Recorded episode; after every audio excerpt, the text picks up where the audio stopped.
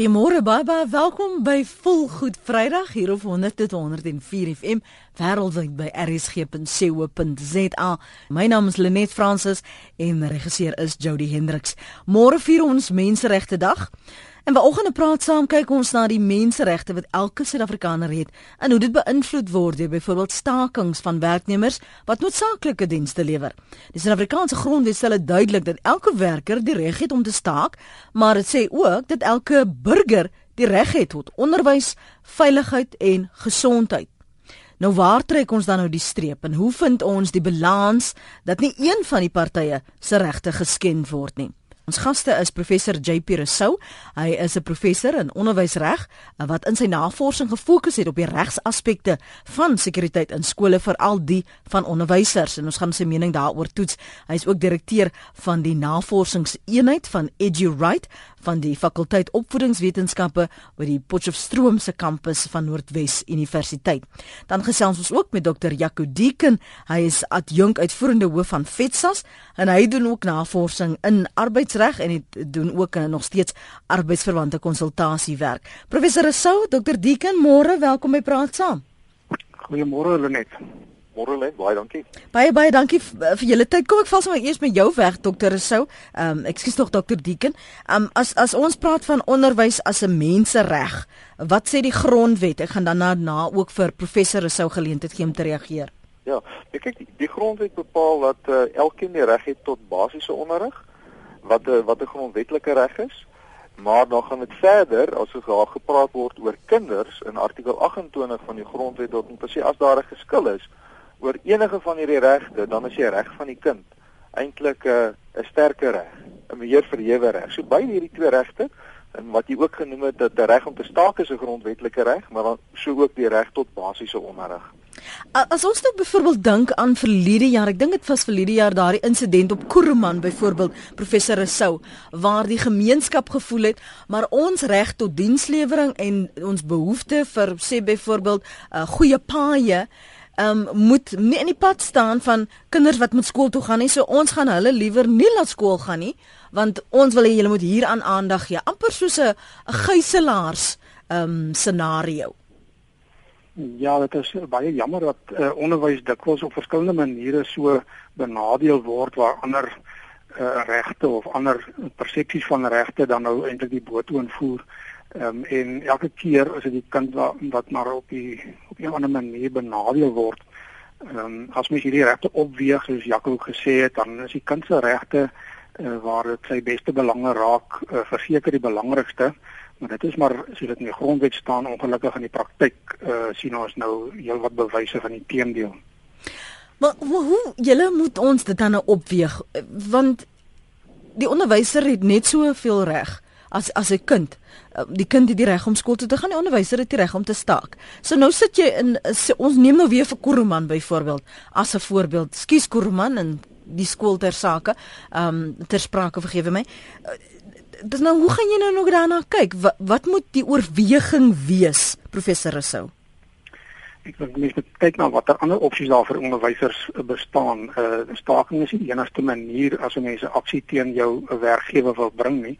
Daar's baie maniere uh van dispuutoplossing en ander uh onderhandelinge wat kan plaasvind om ook dieselfde te bewerk. Uh ongelukkig het die kind nie veel opsies as uh, om net bloot sy reg op onderwys uh, en kwaliteit onderwys bygesê uh, dan op te eis nie. So uh, mense sal graag wil eerder wil kyk dat onderwysers en vakbonde um, alle ander remedies eers uitput voor hulle oorgang tot 'n staking. As ons ons praat nou hier van die reg tot onderwys, die reg tot veiligheid, die reg tot gesondheid wat die kind op kan aanspraak maak. En as ons praat van 'n reg om te staak, wat impliseer dit dokter Deeken? Kyk, die, ek dink ons ons net die groter prentjie eers na kyk. Alhoewel dit 'n grondwetlike reg is om te staak, is dit een van die grondwetlike regte wat sekerlik die duidelikste begrens is. Ek kan deur my grondwetlike reg om te staak uit te oefen, kan ek geldiglik deur my werkgewer ontslaan word indien ek nie die korrekte prosedure volg soos wat uiteengesit is in die wet op arbeidsverhoudinge nie. So daar's 'n baie duidelike prosedure wat gevolg moet word. JP het reeds genoem dat 'n staking is 'n laaste uitweg. 'n Staking is baie keer word dit baie keer vergelyk met met 'n doodstraf. Om te sê as daar enigiets anders is wat ons kan doen, dan moet ek dit eers doen voordat ek by 'n staking uitkom of soos 'n ontslag in die werksplek.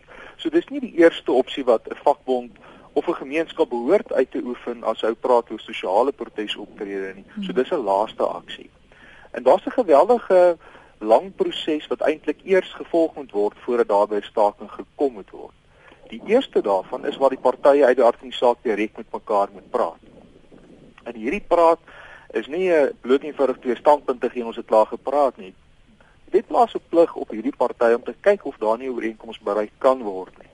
En as daar geskil is, dan word die KVBA, die, die CCMA, soos dit baie keer mag genoem word in die volksmond, ingetrek om dan aktief te help in die bemiddeling voordat daar dan nou 'n staking kan wees met behoorlike kennisgewing tydperke oor en weer. Mm. Maar ek dink 'n tweede belangrike aspek wat ons moet onthou as ons praat oor stakings is is die milieu waar binne ons werk en daar's twee faktore wat ons wat ons in gedagte moet hou. Nommer 1 is dat stakings het 'n het 'n gewelddadige geskiedenis in Suid-Afrika. Omdat dit die plek was waar klomp werkers lekker kon organiseer, nie net vir werksbelange nie, maar ook vir sosiale belange, soos byvoorbeeld in die stryd teen apartheid. En 'n groot gedeelte van van die destruktiewe stakings metodes is net so oorgedra in die nuwe demokrasie. Sonder om regtig daardie kopskuif te maak van nou se geveg nie meer oor 'n sosialis oor 'n sosiale stelsel vir grondwetlike bedeling nie, maar dit gaan nou oor werkersregte. En die tweede belangrike faktor wat ons moet onthou as ons oor stakings praat, is om te onthou hoe lyk die samestelling van die regerende party. Die regerende party regeer in 'n alliansie. En hierdie drie alliansievennote is die ANC, is Kusatu wat 'n vakbondfederasie is en dan nou die die ander politieke groeperinge daar binne. So dis ongewoon dat daar eintlik 'n vakbond binne die regering sit. Mm -hmm. En dit veroorsaak dat daar bepaalde politieke ideologiese armdrukkery ook plaasvind wat nie noodwendig net gaan oor die werkers se regte op grondvlak nie. En dit veroorsaak aan die ander kant dat die regering baie keer met 'n sagte hand wil optree om hierdie alliansie vir nou die JC in te jaag nie want daar moet weer kruisies getrek word op 'n stadium. Hmm. Ons kyk vanoggend na waar ons die streep kan trek en en hoe mens balans kry dat nie een van enige party in konflik of wanneer daar 'n toetsing is van menseregte die een die ander sin oorskry nie. Waar kan jy die streep trek? Behoort jy enigins um, 'n um, streep te trek? Ek wil graag jou gedagtes hoor. Um 0891104553. Veral as jy nie saamstem met my my gaste se mening nie. Uh, wil ek hoor hoe jy oor die saak dink. Jy kan ook jou SMS stuur na 3343. Elke SMS kos jou R1.50. Gepraat van SMS, ek wil net gou hierdie voorbeeld, 'n uh, SMS met julle twee deel in vir jou vra professor Rousseau wat jy hiervan sê. Lenet, omdat teenstrydige ideologieë eh, beleid word, sit ons met 'n al ewige probleem met ons grondwet. Dit is om te sê 'n vuurhoutjie moet onder water kan brand. Dit hou die land as gijslaer. Ja, as die woord ideologie lê maar redelik sentraal tot hierdie hele uh, idee van stakings en opweging van regte ehm um, as ons praat van ideologie dan is die prominente een uh, van die regering se kant af in elk geval gesien uh, een van transformasie en in hierdie hele wye konteks uh, soos Jaco dit nou uiteengesit het ehm um, kry daardie ideologie pos maar die voorkeur ehm um, en uh, elke keer is in die onderwyskonteks gehalte onderwys die verloorder. Ehm um, en ja voor voor ons nie wegbeweeg van ideologies gedrewe besluite en ideologies gedrewe aanstellings in sleutelposte uh, en net 'n soort benadering in die algemeen nie uh, gaan ons nie gehalte onderwys in die land sommer sien nie. Um, ek dink uh, die die stakings as ons terugkyk na stakings en die regopstaking het 'n het 'n baie uh, klomp negatiewe effekte Jaco het genoem daarvan gewelddadigheid en so. Ehm um, daar is ook uh, op uh, opvoedkundige vlak of opvoedkundige vlakke geweldige afbreek van 'n kultuur van onderrig en leer wat plaasvind in die proses as onderwysers ehm um, net uh, nie in die klasse nie maar uh, trouens 'n voorbeeld stel van om ehm uh, ja gewelddadig te raak intimidasie um, en so meer en ek wonder baie keer hoe lank dit vat na so 'n staking om daardie vertroue weer te herstel as dit ooit gebeur. Mhm. Mm maar kom ons neem net vir 'n oomblik die gewelddadigheid uit uit die die ehm um, beredena die redenasie ja, en en ja. ook die intimidasie wat ons sien en waaroor ons al dikwels gepraat het en praat oor ehm um, 'n vreedsame staking. Die feit dat ek nog ja. steeds die reg het om te staak, ek is 'n onderwyser, dit is my reg ek kan dit doen, maar die kind het ook die reg tot onderwys, uh, tot ja. my tyd want ek word 'n salaris betaal. Wat is die konflik daar? Die konflik tussen as, as ek kan inkom. Ja, kom gerus in ja, dokter Dieken. As as ons na na hierdie scenario gaan kyk, dan dan moet ons mekaar sê weet 'n skool lag dit net soveel ure ook in. En as 'n onderwyser aan vreedsame protes wil deelneem, dan is daar sekerlik meer as genoeg ure in 'n dag om dit te doen. Ehm uh, buiteskoolure. Ek het 'n baie sterk opinie oor onderwysers wat aan stakings deelneem. As ons sê onderwys is 'n professie, dan is dit ondenkbaar om te dink dat professionele mense aan aan aan hierdie tipe optrede kan deelneem. Dit is eenvoudig nie hoe professionele mense werk nie. Maar gegee die die politieke omstandighede en die politiek binne onderwys, word onderwysers nou gedwing om nie as professioneles hanteer te word nie, maar as gewone werknemers in vir die staat. Hmm. In die groter opset moet ons ook onthou dat binne die Kusatu alliansie is die onderwys vakbond die grootste vakbond binne binne hierdie alliansie en binne die staatsdiens. So die res van die staatsdiens kan nie bekostig dat die onderwysers nie saam met hulle staak nie. Dit maak hulle bedingings mag uit die aard van die saak baie minder. Hmm. Maar as ons praat oor vreedsame protesoptrede, dan is daar baie opsies vir onderwysers beskikbaar om dit na ure te doen in skoolvakansies. Maar dan is die trefkrag eenvoudig nie daar nie. Mm -hmm. Jy gaan nie die koerant se opskrif haal nie, televisie en die radio stories haal as jy vreedsaam in jou kantoor gesit het en die, jou arbeid weerhou het. Jy kom eers in die media die oomblik waar gebrand in betoog en onderrig weerhou word en vraestelle opgeskeur word of 'n eksamen bedreig word, dan word dit sensasioneel. Dan kom jou werkgewer onder druk om 'n besluit te neem. En dit is in wese waaroor 'n staking baie keer gaan. Dis 'n armdrukkery. En om -hmm. arm te druk, moet ek bietjie uh, ek moet nou my my eie beeld opblaas en ek moet die gevare verduidelik en mm -hmm. ek mhm. moet vir iemand anders wys ek gaan jou intimideer. Mm -hmm. En in daardie geval uh, skuif die werkgewer vir die eerste keer. So dis 'n taktik om om om uh gouer by die onderhandelingstafel te kom en dan my weg te vind. Dis inderdaad, dit staking wat my baie dink aan daardie realiteitsreeks Survivor, nê. Nee. Hoe kan elk think, elk play en elk muscle? En ek dink dit is baie keer waar waar 'n staking gaan. Jy het net nou gesê as ons die die geweld en die intimidasie uithaal uit hierdie stakings uit. Ek is baie keer bekommerd dat ons logika uit hierdie stakings uithaal. Die vorige ronde se stakings binne die staatsdiens het hierdie staking so lank geduur dat dit die ekonomiese sommetjie sou gaan maak. Die hoeveelheid dae wat ek staak vir die persentasieverhoging en die salaris wat ek in daardie tydperk verloor het, dan maak die verhoging nie eers op vir die verlies aan inkomste op die kort termyn nie. So hmm. dis 'n langtermyn het ek myself van die voet geskiet. En ek dink vakbondleiers wat terloops baie maklik vra dat hulle lede moet staak terwyl hy self 'n salaris verdien.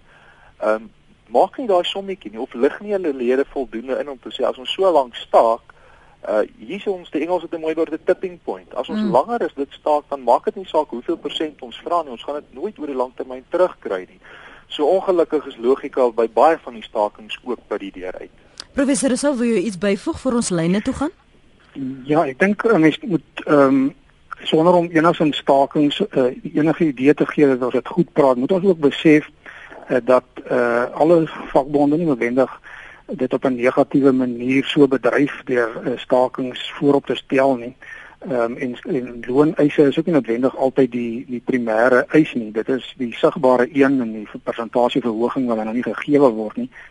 Maar ons het nie te lank gelede nie uh, in 2007 uh, ook 'n staking gehad waaraan meer gematigde vakbonde deelgeneem het en hulle het gevra vir groter sekuriteit by skole dat die werkgewer moet verseker dat hulle uh, op 'n in 'n beter omgewing is, hulle het ook 'n reg op uh, vryheid en sekerheid van die persoon in 'n omgewing wat nie skadelik is nie. Dit word ook in artikel 12 en 24 in die grondwet verskans. Ehm um, en onderwysers maak daarop aanspraak. Ehm um, en as die werkgewer En ons weet dat ons uh, departement van basiese onderwys nie bekend staan as een wat op die oomblik baie hoë gehalte onderwys verskaf nie. Inteendeel is van die van die swakste wat daar bestaan. Ehm um, hulle is dan ook nie eintlik 'n baie goeie werkgewer vir die onderwysers nie. En uh, dit skep 'n klimaat vir hierdie arbeidsoptrede en nywerheidsoptrede waarvan ons praat. Ehm um, so ehm um, die saak het twee kante en ek wil graag vir al die kant stel van ook van uh, vakbonde wat dit op 'n professionele manier doen, nie in die eerste plek ge, uh, gemik is daar om skade aan te rig aan die onderwys nie, maar wat tog ook vir hulle lede uh, beter um, bedeling probeer beding. Ja. Kom ons gaan na die lyne toe 0891104553. Dis 22 minute oor 8. Jy kan ook 'n SMS stuur na 3343. Elke SMS kos jou R1.50. Maak dit op ons webblad moontlik uh, na rsg.co.za en stuur van daar jou boodskap na die ateljee of jy kan my volg en tweet by Lenet Francis 1. Dion is in Western Area en hy's lid van SACCO en wil 'n standpunt deel. Dion, deel jou standpunt môre? Môre net, weet jy, ek het in 'n vorige inbelprogram, ek dink toe julle gepraat het, mag joernaliste politici word en Dr Piet Kroukamp die betrokke oggend gesels het die vraag aan jou gevra. Waarom is dit altyd die gewone ouens wat wat wat na RSG se ateljee genooi te word om standpunte wat heeltyd verkondig uh, te word uh, weer altyd te besig en Vanoggend is nou weer 'n baie goeie voorbeeld daarvan. Ek dink dokter Jaco Dieken moet vir ons reguit sê dat hy sê Satu is altyd die vark in die verhaal en as hy karrie kleintjies kry moet Satu die skuld daarvoor kry.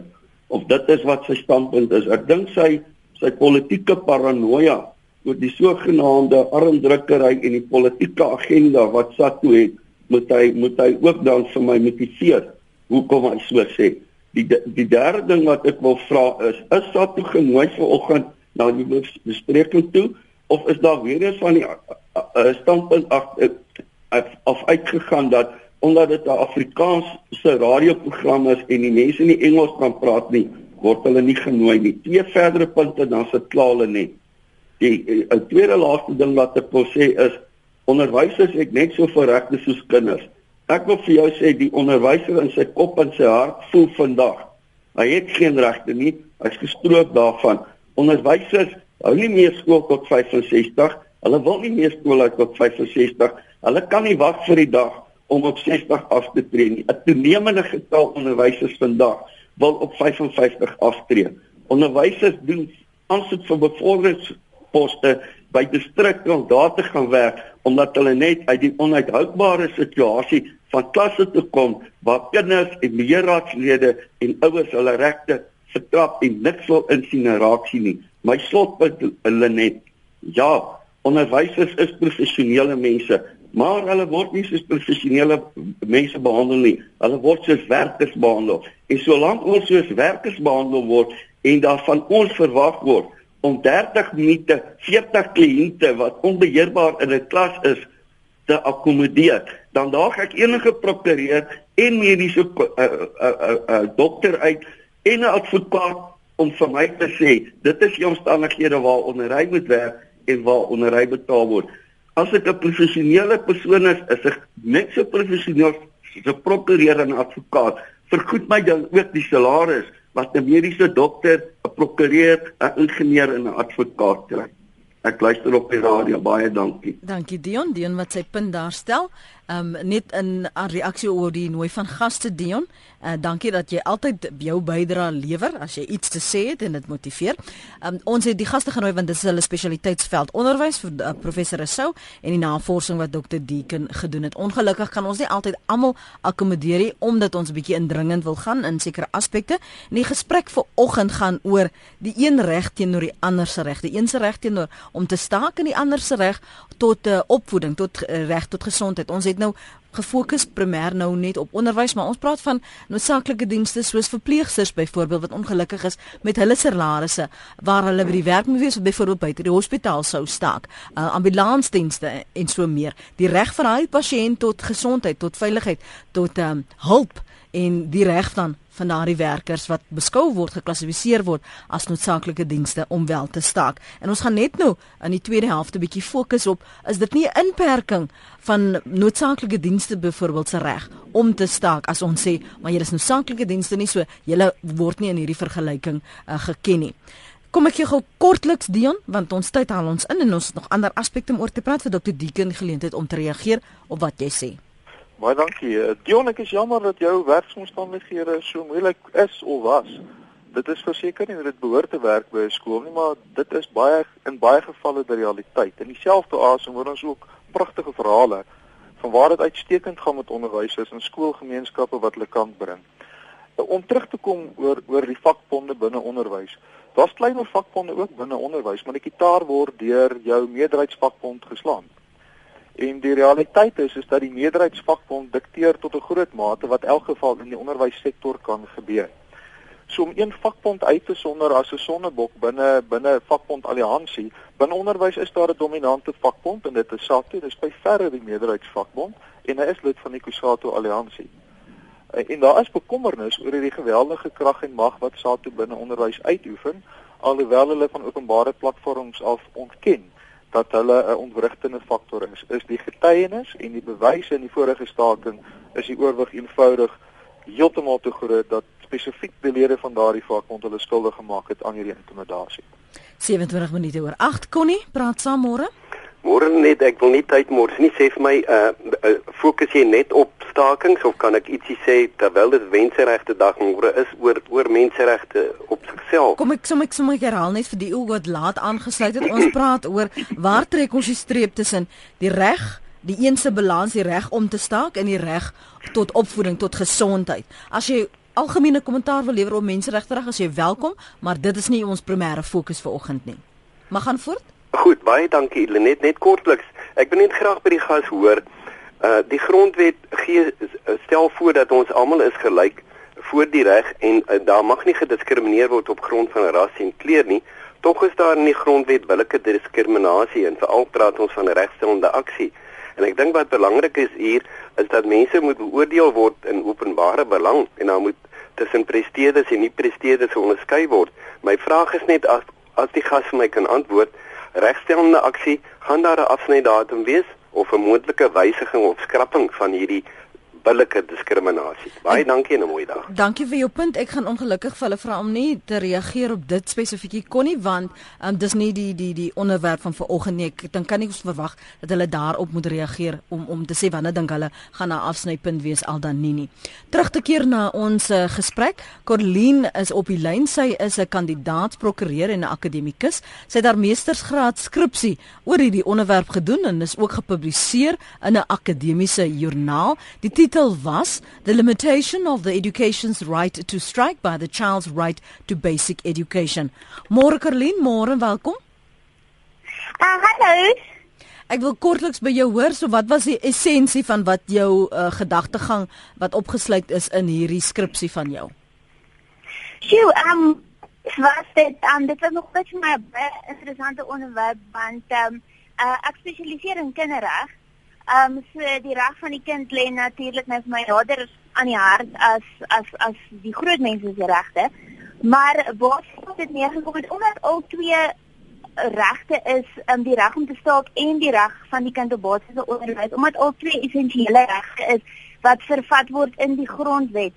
Ehm um, moet mense is dit soos julle nou ook uit uitbring um, en almal se gesprekke wys dat dit is dit is moeilik om om te wys watter een dat die stigste weeg. Maar as ons byvoorbeeld dan nou gaan kyk na artikel 28.2 van die grondwet wat sê dat die kind belang, die deurslaggewende belang in elke saak is.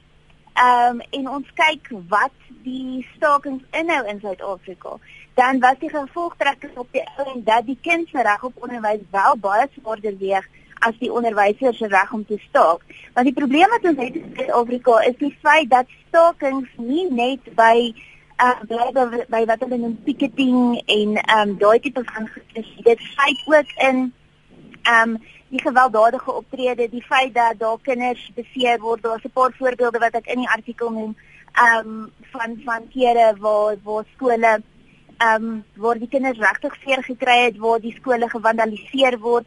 So dit kom definitief in meeste gevalle is dit nie 'n uh, vreedsame stakings om om om 'n punt oor te bring nie. Die kinders word ehm um, wesenlik benadeel. Ehm um, so as dit kom by die dienslewering, dit dit gaan ons nêrens bring om die kinders te weerhou van hulle reg op onderwys. Ehm um, dit dit gaan nie ons omstandighede beter maak nie. So as ons dan nou dit saamkyk met die feit ehm um, saam met artikel 28 dat die kind se reg ten alle tye die deurslaggewende belang moet gee. Ehm um, dan is die kind se reg definitief dit weeg die swaarste. Dankie vir jou mening. Ek dink dis anoniem in die Weskaap wat wil saampraat. Môre. Ehm uh, môre, ek nou wat praat. Ja. Ehm um, man, ek wil weer hoor. Ek ehm um, ja, ek is vir skool geself onderwyseres. Mm en ek dink persoonlik dis ek nou so toevallig die die gesprek in kantoor net gehoor en toe besluit ek om dadelik te bel. Ehm um, ek dink persoonlik dan moet ge, soos, gekyk word na onderwysers se so, so regte ook want onderwysers werk regtig so ek byvoorbeeld ek praat uit ervaring en ek dink dis die rede hoekom ek gebel het.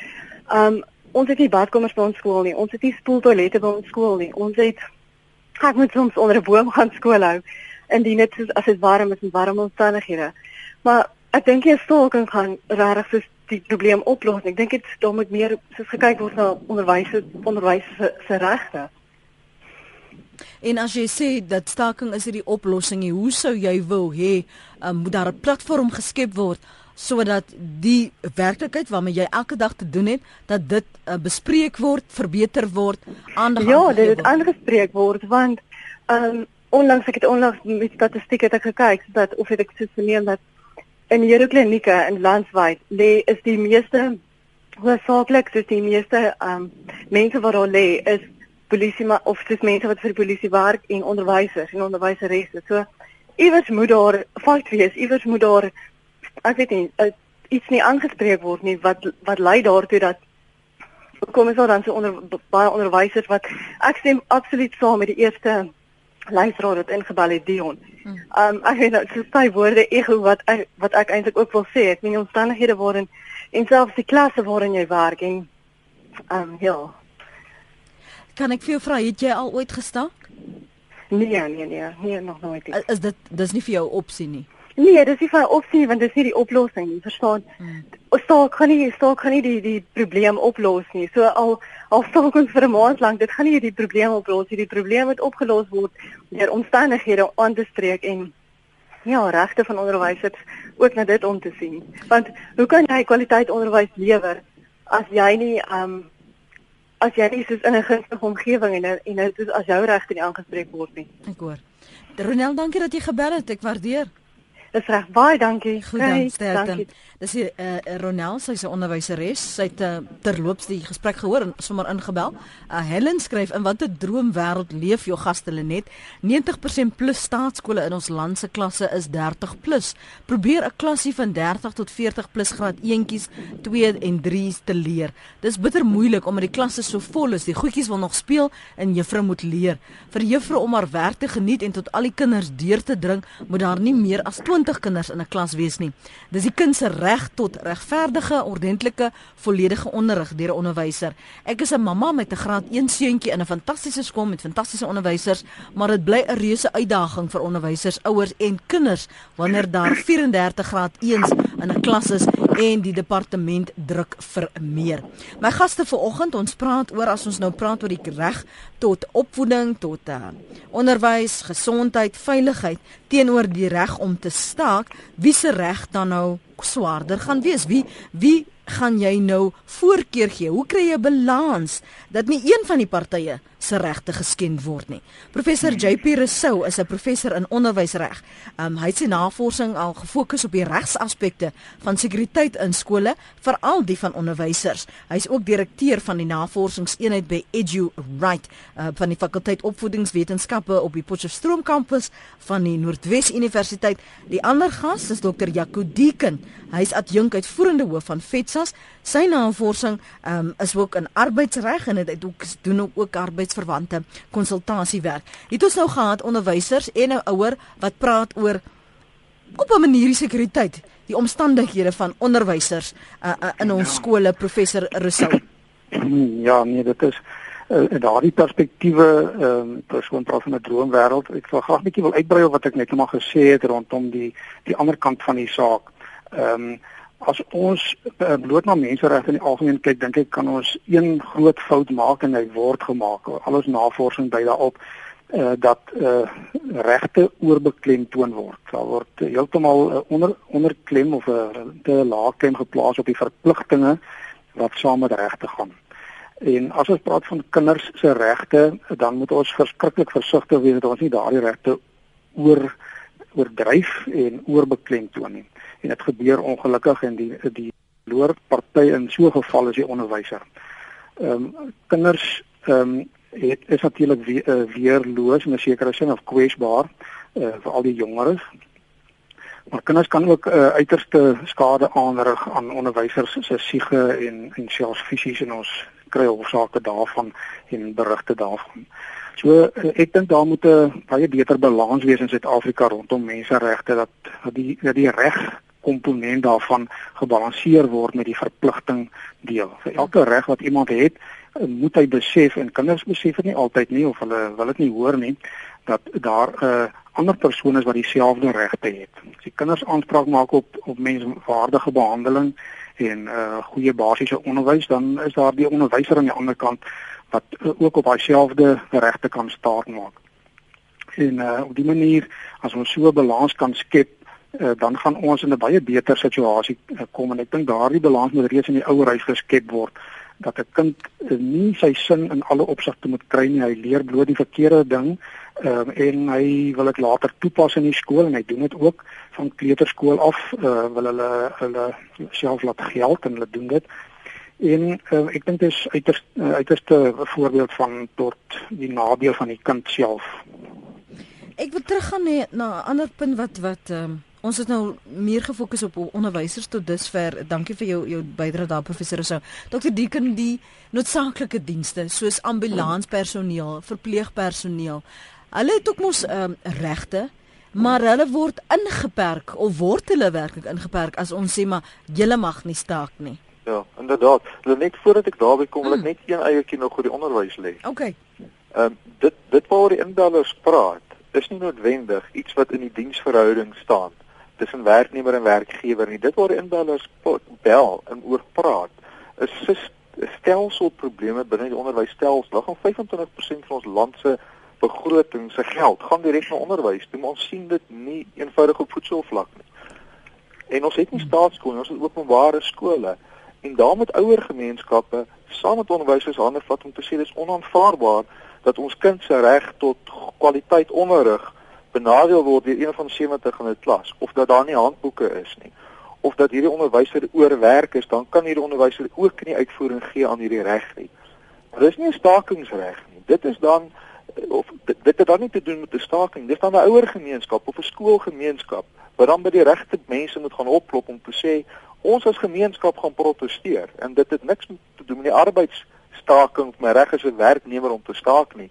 Dis dan 'n sosiale protes of 'n gemeenskapsprotes om te eis dat hierdie regte op onderrig billik moet plaasvind beide vir 'n lekker werksplek en of vir die vir die leerders dat hulle kwaliteit onderrig kry. Maar hierdie beperking op bestaking gaan verder. Die wet maak voorsiening vir twee kategorie werknemers wat eintlik nie aan 'n staking mag deelneem nie. Hmm. Dis die sogenaamde noodsaaklike werknemers of werknemers betrokke by instandhoudingsdienste. Nou van hierdie noodsaaklike dienste het jy nou reeds na verwys, sou byvoorbeeld die ambulansdienste insluit, dit sluit die polisie in en dit sluit dan ook werknemers van die parlement en wat spesifiek as 'n kategorie genoem word. Of daar is ook 'n komitee vir noodsaaklike dienste wat spesifieke werknemerskategorieë kan verklaar as 'n noodsaaklike diens. En dan is daar beperking op hierdie werknemers se reg om te kan staak. Nou so 'n paar jaar terug het uh, die polisievakbond Popcrew en die polisie het mekaar kop gestamp oor oor spesifiek oor noodsaaklike dienste. En hierdie saak het opgeëindig in die uh, in die arbeidshof. In die arbeidshof het daar gesê ons moet onthou hierdie grondwetlike regte is nie absoluut nie. Daar is daar is kompeterende regte aan die een kant in die polisie se saak, die algemene publiek en die veiligheid en daarom moet ons as ou hierdie belange begin opweeg, kan dit geregverdig word hoekom polisielede nie mag staak nie. Want deel van die taak van hierdie noodsaaklike dienste komitee is dan om te help as daar dan 'n geskil is, as ek beperk word om te staak. Ek mag net bepaalde ure staak of ons moet op 'n skeleton staaf of ons moet 'n minimum diens lewer tydens 'n staking. Hoe gaan dit gebeur en hoe gaan ons dan die geskille besleg? Hmm. Maar hoe as ek dan daai geskille het, uh, waarheen neem ek my toevlug? Lenet, ek dis deel van ons dilemma in Suid-Afrika want nou moet jy deur 'n arbitrasieproses gaan. Ehm um, nou sit ek aan hierdie kant en ek sien my kollegas in 'n ander industrie begin vandag staak ja. en môre is daar 'n oplossing en ja. daar's geld in sy sak. Terwyl ek deur 'n baie langer proses moet gaan aan hierdie kant en ek dink dit was rede van die groot frustrasie geweest veral in 2007 en 2009 met die groot stakings binne die gesondheidssektor. Daai proses is eenvoudig te uitgereik. En die tweede ding wat ons moet onthou, wat is die werkgewer se remedie as iemand in 'n onwettige staking deelneem? Is deur die werkers te ontslaan.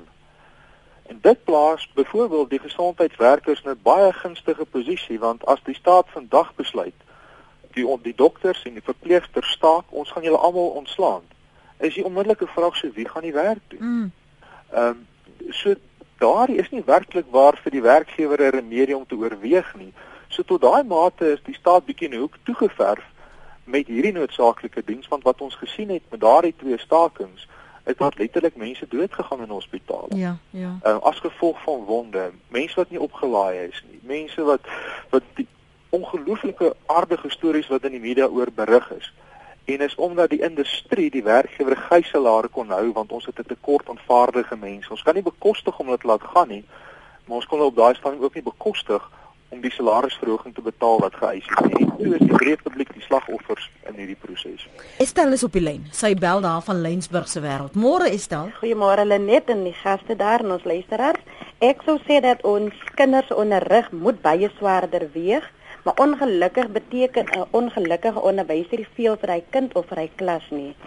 Ek sou byvoorbeeld voorstel Lenet dat daar maandeliks by die skole navraag gedoen moet word van wat is nodig in 'n klas sodat die onderwyser sy werk kan doen soos hy dit graag wil doen. En dan ook sal ek voorstel dat uit die gemeenskap daar 'n ouer gekies word in elke klas sodat hulle as 'n komitee kan wees om die onderwyser se behoeftes in die klas waar te neem en dan aan te spreek. Want uit ondervinding het ek geleer 'n onder 'n gelukkige onderwyser lewer net sy bes hy gee met 'n glimlag gee hy sy dag se taak.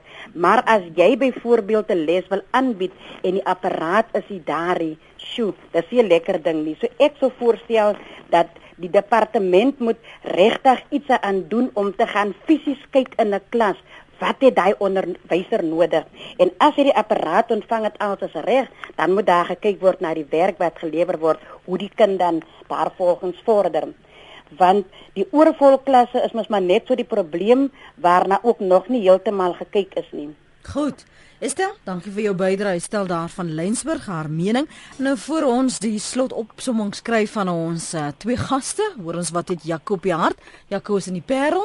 Praat gerus saam, Jakob. Dis Jakob. Jakob, vergewe my. Môre net. Lenet, ja, die kinders uh gepraat van stakings en en en menseregte. Die kinders het reg. Sy reg is dat hy die die reg het om ordentlike opvoeding te kry. Die die onderwyser in hierdie geval waar ons ook van gepraat het, hy het die reg om sy werk ordentlik te kan doen en hy het ook die reg om te kan staak as hy ontevrede is met met sy werkgewer. Nou ja, ek gebruik liewer die woord proteseer. Oh. So, maar nou waar lê die groot probleem? Die probleem lê daarin dat die staat nie genoeg prioriteit gee aan opvoeding en onderwys nie. Jou klasse is te groot. Dit dit uh, wek ontevredenheid by die onderwysers. Die onderwyser word vir die tipe werk wat hy doen nie ordentlik betaal volgens sy opleidingsjare in vergelyking met ander professies nie. So, 'n mens by die probleem gaan soek daarbo die staat en daarmee wil ek afsluit. Die staat behoort opvoeding en onderwys sy eerste prioriteit te maak in terme van vergoeding en ook die fasiliteite wat hy skep. Baie dankie. Dankie Jakob vir jou mening daar in Parel. Dr Deeken om af te sluit. Ek dink uh, as jy nou vra wat is die oplossings hiervoor? Waar kry jy balans? Hoe die, die balans en die ja. oplossing ja. dis dis dis 'n moeilike vraag want die word al eeue heen gestry oor wat is reg en wat's billik binne die werksplek en die regte en belange heen en weer. Ehm um, ons het onlangs 'n wysiging gesien in die wet op arbeidsverhoudinge waar daar lank burdeneer is binne ons nasionale ekonomiese ontwikkeling arbeidsraad. Ooh, jy nou nie so vas. Ek weet nou nie vir wie ons daar verloor het Jody. Misolonet. Ekskuus, dankie. Binne hierdie raad is daar ernstig bedink oor hoe moet ons stakings benader in Suid-Afrika aan hierdie wysigings op die wet op arbeidsverhoudinge het nou op 1 Januarie in werking getree. So ons gaan hierdie jaar vir die eerste keer sien hierdie nuwe maatreëls wat in plek gestel is, hierdie komitee vir noodsaaklike dienste, hierdie hele proses van stakings is is ingrypend verander en daar's nuwe meganismes in plek gebring en ons sal moet wag om te sien hoe effektief dit gaan wees. Maar in ons agterkoppe moet ons onthou van dit wat in Marikana gebeur het ook. Hoe gewelddadig dit kan raak. En dan staan vier goedjies waarmee ek graag sou wil afsluit om te sê ons ons kerk etiese leierskap. Nie net vakbondleiers nie, etiese leiers uh uit regeringsgebiede uit van werkgewers se kant of vanuit gemeenskappe uit. Ons moet realistiese loonverwagtinge ook hê. As ek kyk na die na die intree wat wat ingestel word deur vakbonde is baie keer totaal onrealisties. In dieselfde asem moet daar billike vergoeding wees. My pa het altyd gesê jy kan 'n dokter in 'n hospitaal en jy kan 'n onderwyser in 'n skool en 'n polisiebeampte in die polisiekantoor nooit te veel betaal nie om erkenning te gee daar waar dit moet wees. Hmm. En dan laastens mekaar te sê, weet jy daar's gemeenskappe wat ons eienaarskap aanvaar vir dit wat in ons gemeenskap gebeur. En ons moet altyd sit en wag vir iemand wat van buite gaan kom te kom regmaak nie. Ja. As gemeenskappe is dit ons werk om toe te sien dat ons mekaar menswaardig hanteer. Billik, gelyk en regverdig hmm. in ons gemeenskap en toesien dat dit daar daadwerklik gebeur en deur ons voorbeeld te lei. Professor Rousseau, jy moet asseblief jou klas om verskoning vra dat ek jou opgehou het, maar jou laaste nee, gedagtes? Nee, dit is reg, as jy probleem nie, ek ek sou graag as ons praat van 'n balans, eh, daar's al 'n paar moontlikhede genoem ehm um, deur Jaco nou en ook die vorige inbeller. Um, ek dink as mens 'n bietjie idealisties raak rondom die ding en ek dink dit is nodig in in eh, 'n uh, positiewe idealisme uh, dan kan 'n mens van kyk na die land wat in die wêreld uitstaan as die beste met die beste onderwysstelsel, uh, naamlik Finland. Uh, ons het hulle besoek daar en gaan vra wat doen julle reg? En uh, wat ons daar gesien het is dat dit 'n land is met baie min hulpbronne, maar hulle het hulle eerste prioriteit uh, op hulle onderwys geplaas. Hulle uh, betaal onderwysers behoorlik, hulle gee genoeg geld van die staat van die staatskas uh, vir onderwys, gratis onderwys en hulle het uh, dan nou daardie visie van um, nie noodwendig om die beste in die wêreld te wees nie, maar om die beste opvoeding te kan gee wat moontlik is. En as ons ons ideologie na daardie kant toe verskuif, uh, Jaco het genoem van ouers en die gemeenskappe, dit is deel van die oplossing, uh, daardie visie van gemeenskappe om ehm um, nie net self te sorg nie, maar ook uh, seker te maak dat die regte uh, onderwysers aangestel word dat die onderwys op die regte manier plaasvind. Dit is deel van die ideologie. Ek dink ons sal uh, op 'n stadium hopelik wegbeweeg van 'n oormatige en 'n oordrewe transformasie ideologie uh, na 'n onderwysideologie en dit dit sal dan onder andere beteken ek dink ons het een van die grootste ehm um, faktore wat 'n rol speel in die in die kinders skade aan die kinders se reg op opvoeding het ons uh, nog glad nie genoem nie. Ons het nou van stakings geplaas en gepraat en dit vind so een of twee keer uh, uh per uh, siklus van 3 of 4 jaar plaas.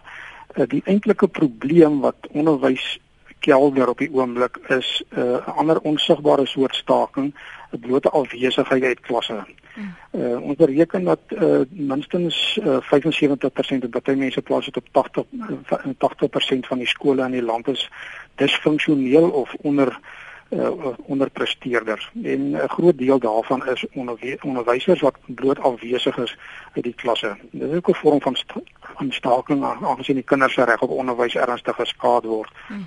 En uh, daar as as daar 'n beter ideologie begin ontwikkel en die politieke wil ook baie sigbaar raak, So baie mooi wonderlike uitsprake tydens matriek ehm um, uitslae aan die einde van die jaar, begin van die jaar wanneer dit ehm um, gesê word onderwys 'n hoë prioriteit geniet, maar ongelukkig in die praktyk sien ons dit nie dit werklik so hoë ehm um, prioriteit geniet van die politieke konteks nie. Mm. So dit is uh, dit is waar die balans moet kom en uh, waar die ideale nagestreef moet word om onderwys te verbeter. 'n Gebalanseerde siening van onderwys ehm um, regte, fundamentele regte, grondwetlike regte waarvan ons praat en ehm um, op die manier uh, moet ons positief bly en doen waar ons in die kleine iets kan doen aan 'n saak soos Jaco gesê het in die gemeenskappe nie noodwendig wag vir hoër op gesag om dit te bewerk nie. Ons sê professor JP Rousseau en dokter Jaco Deeken, baie dankie vir julle bydrae en insette vanoggend op praat saam. 'n Lekker naweek aan julle.